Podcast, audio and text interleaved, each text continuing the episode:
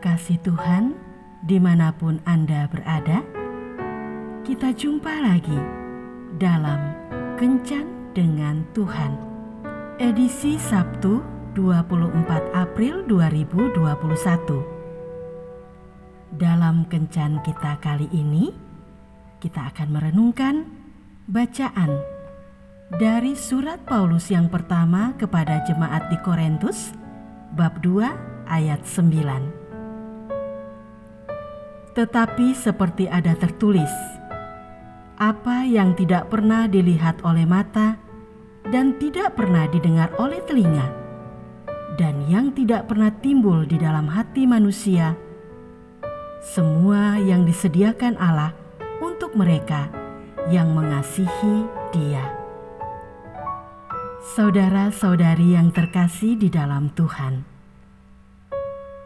Walter Kerr adalah pegawai baru di perusahaan jasa pemindahan barang Bell Hobbs. Mobilnya mogok sehari sebelum hari pertama di mana ia harus masuk kerja. Oleh karena itu, ia meninggalkan Homewood di mana ia tinggal dan berjalan kaki menuju Pelham pada tengah malam sejauh 32 km. Ia dibantu polisi yang menjumpainya di Pelham. Diajak makan pagi dan diantarkan ke tempat kerjanya. Walter telah berjalan di malam hari sejauh itu demi tanggung jawab untuk bisa masuk di hari pertama kerjanya. Pimpinan perusahaan Bell Hobbs, Luke Marklin, terpesona dengan kisah Walter. Dia menemui karyawan barunya itu dan mengajaknya minum kopi bersama. Marklin kemudian memberi Walter mobil Ford Escape 2014 miliknya. Kamu pemuda yang sangat istimewa dan akan melakukan hal-hal yang hebat, kata Marklin. Tentu kita terharu membaca kisah ini. Ternyata hidup ini masih penuh dengan keajaiban dan akan terus ada keajaiban-keajaiban lainnya.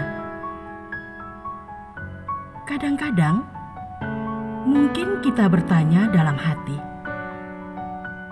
bagaimana Tuhan bisa dirasakan keberadaannya oleh manusia.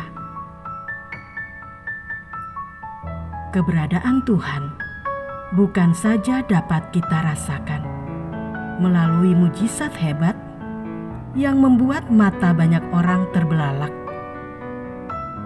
tetapi sangat mungkin hanya karena mujizat kecil yang menyentuh ego terdalam dalam diri kita dan segera membuat kita bertobat dan mengakui bahwa Tuhan tidak tidur.